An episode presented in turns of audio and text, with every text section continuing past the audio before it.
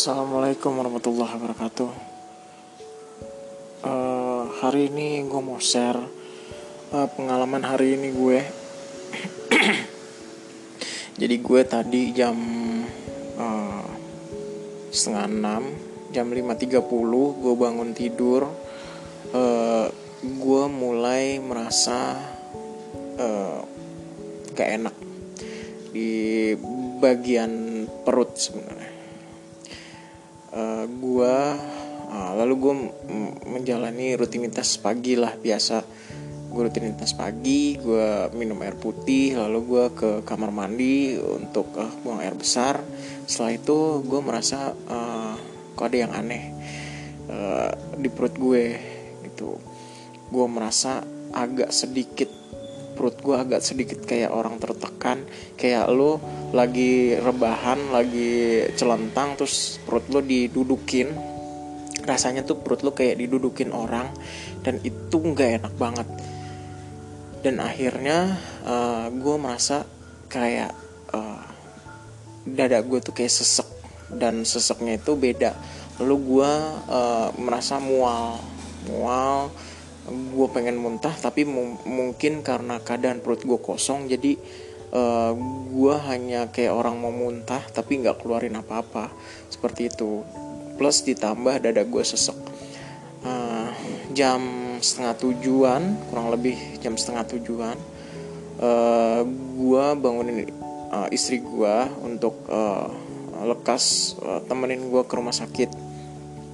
Uh, kebetulan rumah gue deket dengan rumah sakit internasional. Jadi gue uh, sama istri gue menuju ke rumah sakit menggunakan mobil. Anak-anak gue gue tinggal di rumah. Nah uh, di perjalanan gue tetap ngerasa uh, sesek napas gue masih ngerasa sesek uh, padahal sebelum berangkat gue sudah mengunyah uh, obat uh, obat mah yang biasa gue minum uh, itu nggak ngaruh gitu loh. Masih tetap sesek dan tetap mual juga. Uh, lalu gue coba untuk uh, tetap tenang tenangin diri uh, dan gue nggak nggak nggak berusaha untuk memikirkan yang aneh-aneh. Jadi karena karena gue berpikir gue pernah baca di satu uh, apa namanya informasi di Google uh, bahwasannya kalau lo uh, merasa kayak misalkan lu kena uh, serangan apa pun misalkan kayak jantung kayak lo uh, apa namanya mungkin uh, mah lambung kambuh gitu asam lambung tinggi jadi lo berusaha untuk nenangin diri dan lo jangan panik uh, dan lo uh, sesegera mungkin untuk menuju ke uh, fase uh, tempat berobat atau rumah sakit terdekat.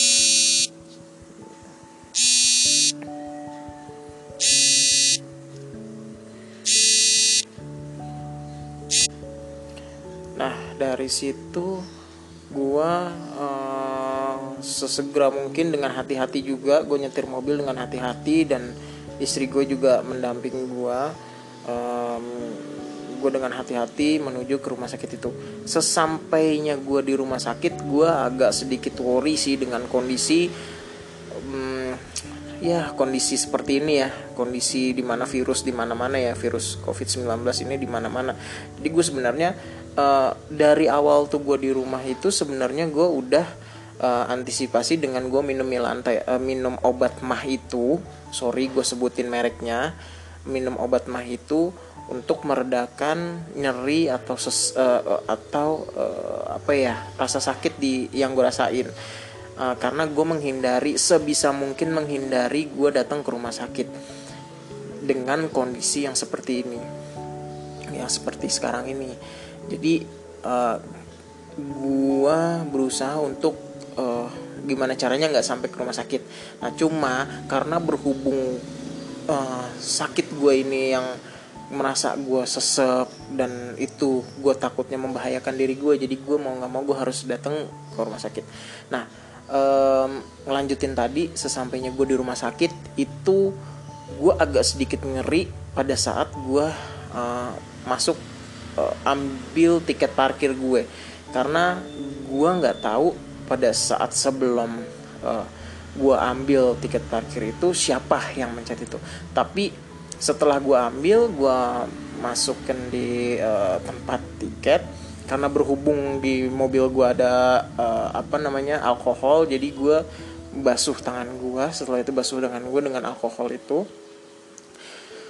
Lalu uh, gue uh, sempet gue muter-muter uh, gue sempet muter sekali karena gue nggak tahu dan biasanya area emergency itu gue bisa langsung masuk ke mobil gue bisa langsung gue parkirkan depan emergency dengan eh, depan parkir emergency atau UGD karena memang eh, tempat itu diperuntukkan untuk hanya parkir UGD.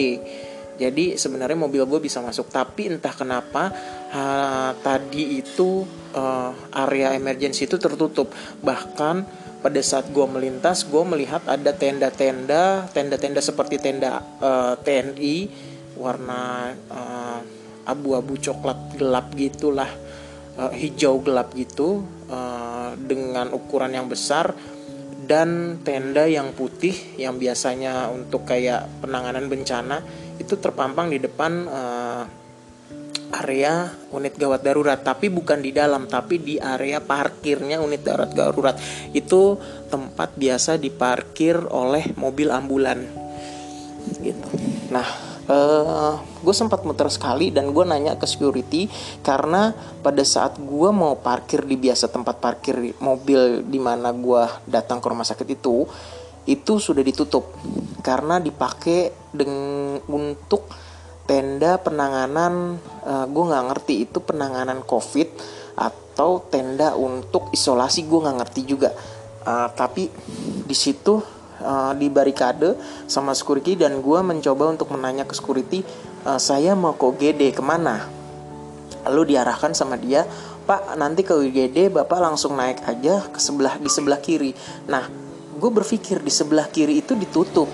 Nggak mungkin gue bisa masuk di situ. Akhirnya istri gue bilang ya udah kita parkir aja. Dan kebetulan gue dapat parkir nggak jauh dari UGD akhirnya uh, ah, gue parkir gue masuk ke ruangan UGD kondisi gue dan makin sesak makin gak enak nggak nyaman uh, eh, gue bar uh, gue uh, ditanya oleh security di sebelum pintu masuk uh, UGD gue ditanya uh, kenapa pak? Ada keluhan apa lalu gue jawab dengan uh, jujur.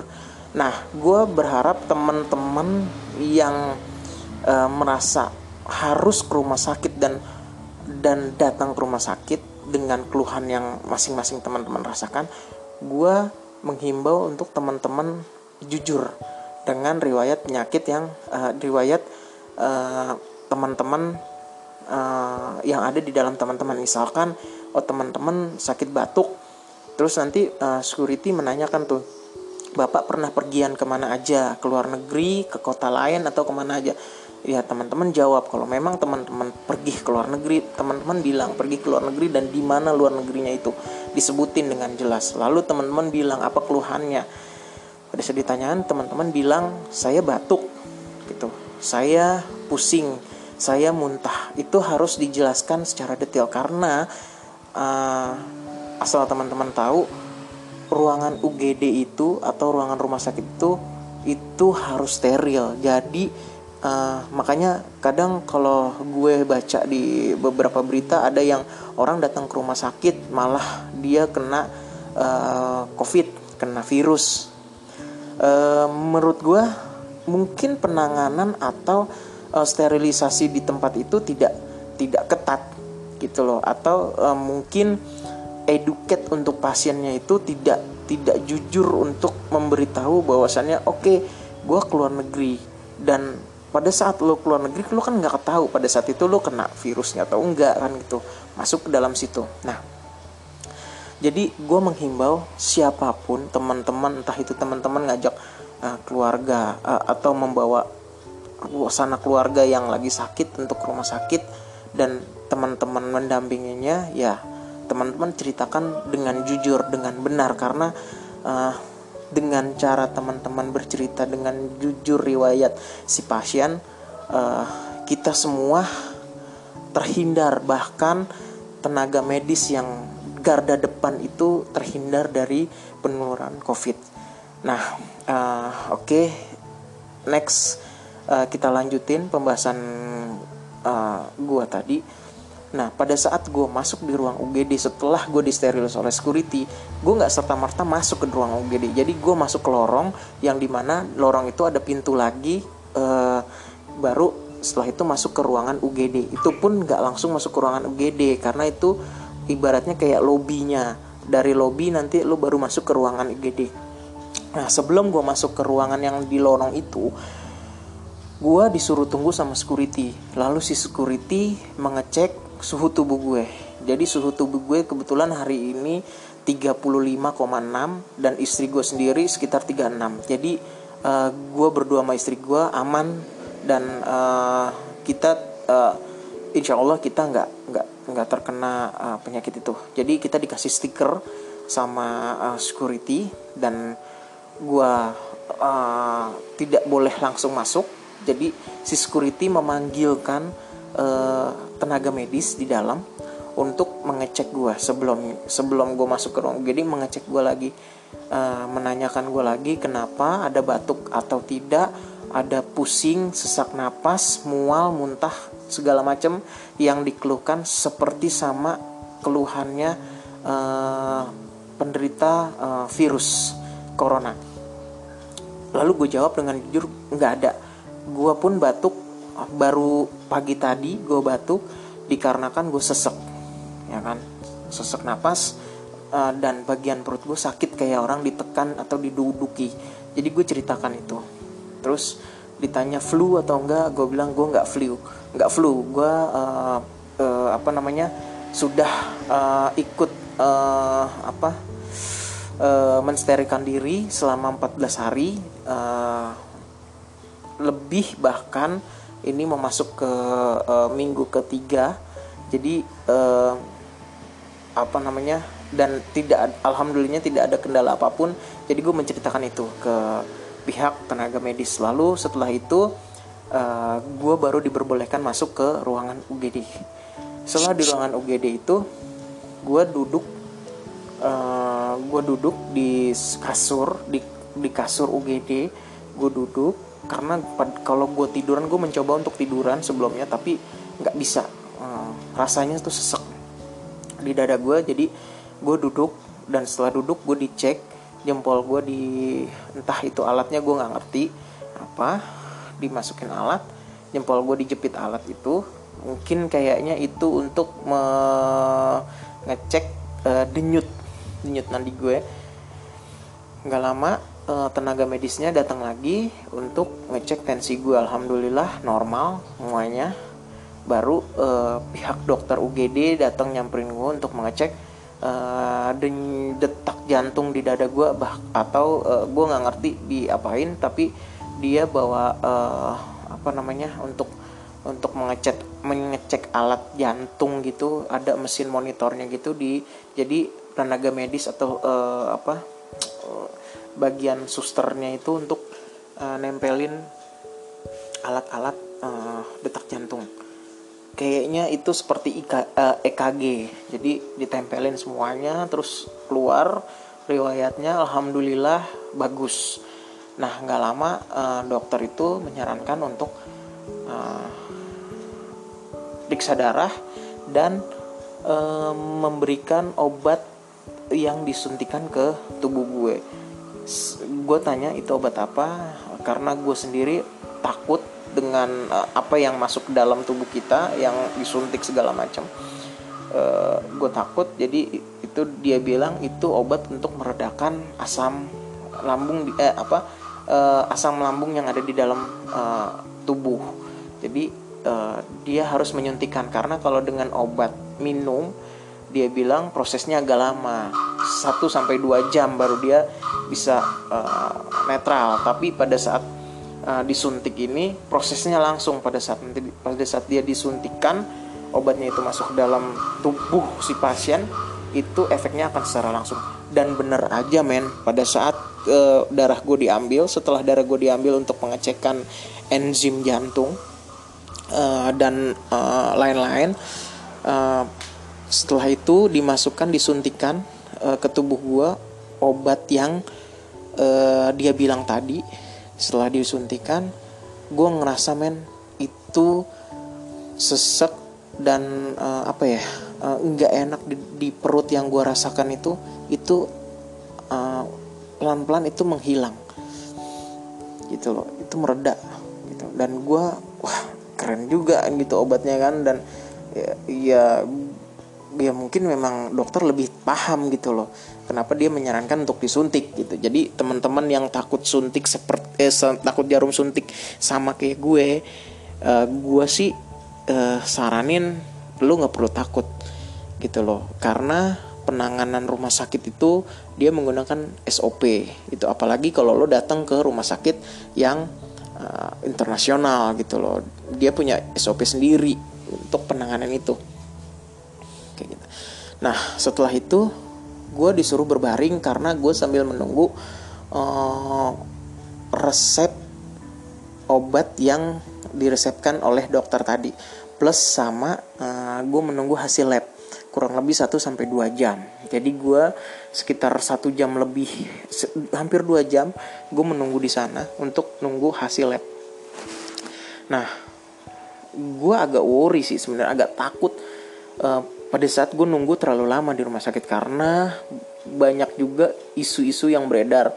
Lo kalau di rumah sakit malah nanti lo bisa tertular. Lo kalau di rumah sakit malah nanti lo uh, bisa uh, kena corona apa segala macam.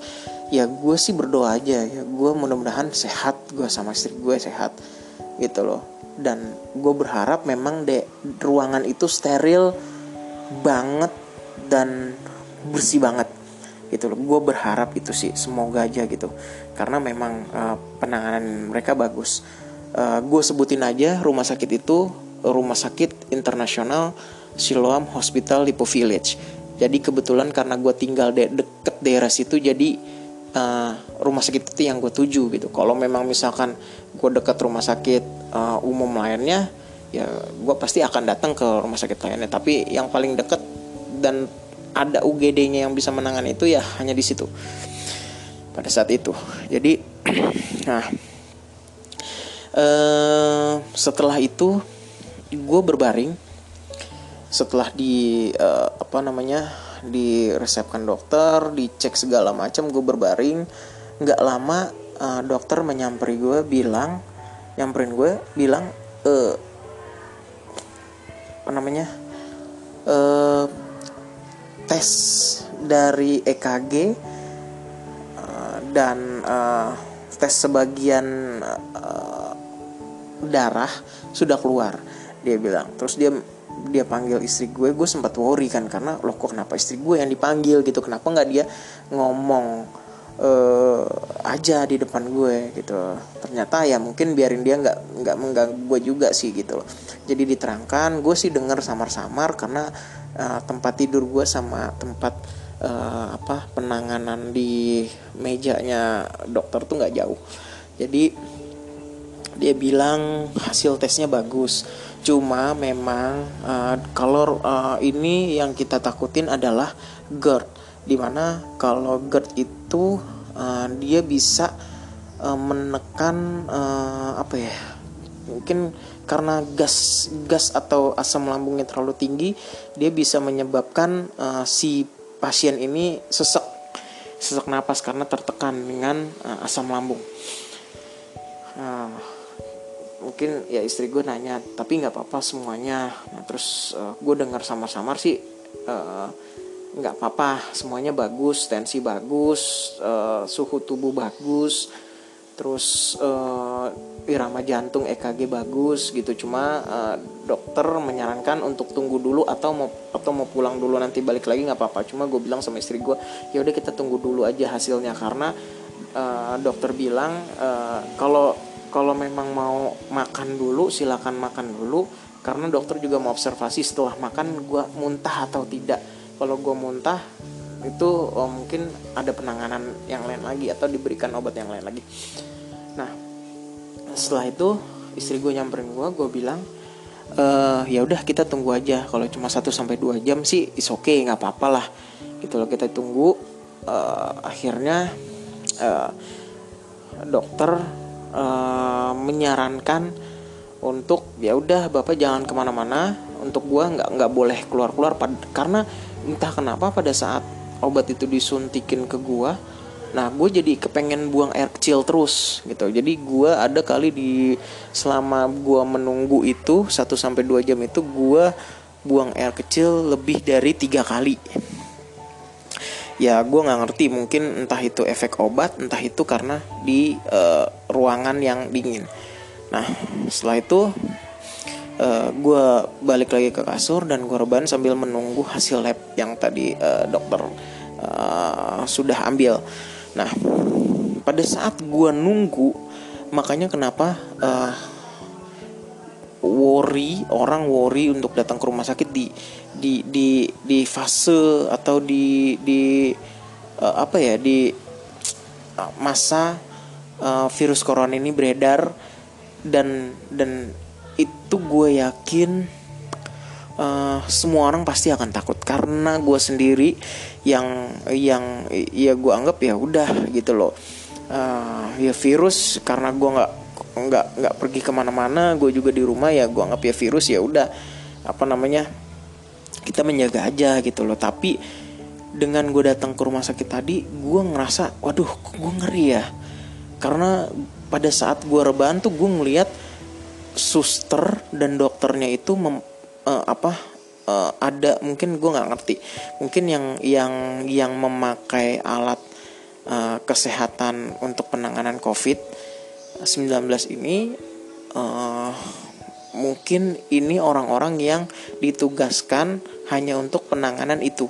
Karena uh, di dalam ruangan UGD itu ada dua uh, ada dua tim yang satu hanya di UGD dia menggunakan dia hanya menggunakan uh, masker aja dan sarung tangan. Lalu pakaian uh, yang biasanya di UGD pakaian seragamnya hanya toh itu aja. Uh, dia tidak menggunakan alat uh, atau pakaian yang standarisasi penanganan virus covid itu nah pada saat gue uh, apa namanya gue nunggu di situ gue rebahan di kasur itu gue melihat ada dua orang suster atau dokter gue nggak ngerti itu menggunakan uh, dia baru memakai pakaian standarisasi itu.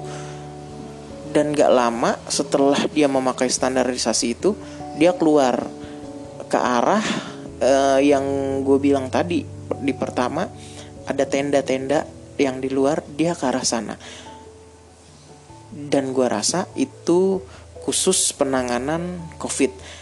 Nah, orang-orang yang memakai itu tidak setelah dia keluar masuk ke tenda yang tadi gue sebutin itu, orang-orang itu tidak bisa masuk lagi ke dalam uh, eh, UGD. Kalau dia masuk ke dalam UGD, dia itu harus meninggalkan pakaian itu dulu. Dia harus disterilisasi, baru dia bisa masuk ke dalam ruangan UGD. Tapi yang gue lihat tadi nggak ada satupun orang-orang yang menggunakan pakaian standarisasi penanganan COVID, uh, pasien COVID itu masuk ke dalam UGD. Jadi benar-benar sterilisasi. Itu di UGD uh, eh, Silom Hospital Lipo uh, Karawaci. Jadi menurut gue penanganan mereka bagus banget. Mereka tuh menjaga banget ruangan di mana ruangan sterilisasi, ruangan UGD itu ruangan sterilisasi, dia menjaga sedemikian mungkin uh, virus itu tidak masuk. Ya, ya, ya gue juga nggak tahu ya. Mungkin ya, ya kalau memang udah kehendak virus itu masuk ada di situ juga, ya kita juga nggak tahu gitu kan.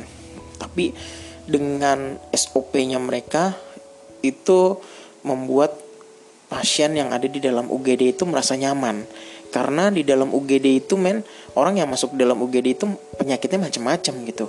Misalkan itu jantung kalau seandainya lu ngerasa kayak SOP-nya itu nggak terlalu ketat lu pasti kan merasa worry kan merasa takut kan. Dan itu bukan menjadi lebih baik eh, tapi lu makan makin lebih takut dan makin lebih nggak bagus juga untuk perkembangan kesehatan lo nantinya di dalam situ kan. Karena lu merasa takut merasa cemas karena kan kalau sakit itu sebenarnya gimana cara pola pikir lo sih? Kalau lo rasa nyaman lo rasa sehat ya lo sehat aja gitu kan.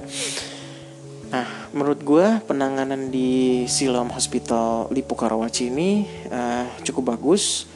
Dan uh, ya gue berharap uh, semua rumah sakit rumah sakit ya nggak hanya di rumah sakit internasional tapi di rumah rumah sakit umum itu melakukan cara sterilisasi di ruang UGD yang sama seperti uh, di apa yang saya uh, rasakan hari ini itu loh penanganannya bagus memang ya mungkin ya yang di awal itu agak lama karena uh, mereka juga harus memastikan bahwasannya pasien yang masuk ke dalam ruangan itu bersih dan uh, tidak uh, terinfeksi COVID gitu loh. Seperti itu. Nah, um, setelah itu gue dapat kabar dari dokter yang nanganin gue. Uh, dia bilang semuanya bagus, enzim jantung gue bagus, alhamdulillah. Jadi gue bisa diperbolehkan untuk pulang. Dan dari hasil semua, uh, dari hasil semua uh, penanganan di UGD itu gue lumayan uh, lumayan kaget karena lumayan juga uh, biayanya uh, plus obat gue itu habis sekitar dua juta enam ratus dua puluh dua ribu dua ratus. Jadi uh, cukup lumayan mahal dengan waktu hanya sekitar dua jam lebih penanganan gue jadi ya gue sih berharap mudah-mudahan uh, next ke depannya gue bisa menjaga pola makan gue gue menja bisa menjaga uh, asupan apa yang gue masukin ke dalam tubuh gue untuk biarin gue menjadi fit kembali. Dan untuk teman-teman yang uh, memiliki riwayat penyakit yang sama dengan gue yaitu GERD atau asam lambung tinggi gue sih berharap uh, jaga kondisi teman-teman di era atau di masa uh, virus COVID ini uh, agar teman-teman nggak harus ke rumah sakit. Karena gue yakin gue nggak tahu mungkin pengalaman teman-teman kalau masuk rumah sakit lain itu uh, berbeda-beda. Entah itu ada yang bagus entah itu ada yang kurang bagus. Karena memang di Indonesia itu kita kan juga mencoba untuk uh, memperbaiki semua sistem-sistem uh, rumah sakit yang ada di Indonesia. Ya, uh, balik lagi untuk waktu percepatannya itu kan berbeda-beda. Jadi ya kita sebagai pasien ya ya kita ber, uh, mencoba untuk uh, memaklumi aja gitu. Dan kalau memang teman-teman gak puas ya udah teman-teman cari ke rumah sakit yang penanganannya mungkin lebih bisa lebih baik. Ya itu aja sih cerita gue hari ini podcast gue hari ini. Jadi uh, eh, gue berharap uh, kita semua bisa melewati masa-masa pandemik konflik uh, 19 ini. Uh, dan kita semua bisa kembali ke aktivitas masing-masing ke aktivitas yang biasa teman-teman lakukan. Dan uh, perekonomian di Indonesia juga makin lebih bagus semuanya. Dan pemerintahan juga uh, makin lebih bagus penanganannya ya udah kita berdoa aja mudah-mudahan di bulan Ramadan nanti uh, di bulan puasa nanti di bulan yang bagus nanti uh, semua masalah semua penyakit semua virus semua uh, kendala, semua persoalan yang ada di dalam yang ada di Indonesia ini bisa uh, selesai dan uh, kita kembali normal kembali. Paling itu aja bisa gue sampaikan, yang bisa gue ceritain pengalaman gue hari ini dan tungguin lagi uh, cerita gue berikutnya. Uh, mungkin next ke depannya gue akan kolaborasi dengan teman-teman gue di mana uh, teman-teman yang uh, seprofesi gue uh, kebetulan karena profesi gue sebagai uh, event organizer uh, jadi gue akan berkolaborasi dengan teman-teman yang ada di yang yang berkegiatan sama seperti gue. Itu aja dari gue salam uh, kebaikan salam super. Pokoknya jaga kondisi kalian dan selalu tetap waspada selalu sehat selalu baik. Sampai ketemu di episode berikutnya. Thank you. Assalamualaikum warahmatullahi wabarakatuh